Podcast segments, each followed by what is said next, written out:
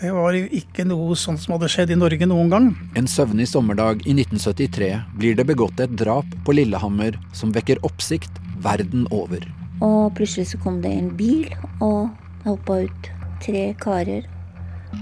Og den ene sto og pekte på paret, da. På Toril og Ahmed.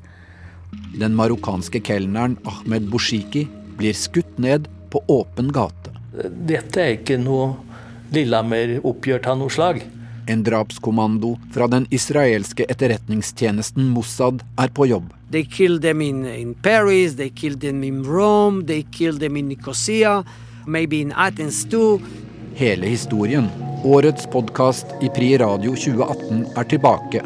Med agentdrapet på Lillehammer. Jeg fant det helt utrolig. Israelske agenter på jakt etter en palestinsk terrorist med kallenavnet Den røde prinsen. To av de siktede i drapssaken fra Lillehammer har overfor politiet forklart at de tilhører en gruppe, israelsk gruppe. Ved en gigantisk tabbe har de henrettet feil mann og blitt tatt. The reaction within the Mossad was of shock and trauma. It was the first time that they faced with such a colossal failure. Hele historien, store hendelser, fortalt av de som opplevde dem.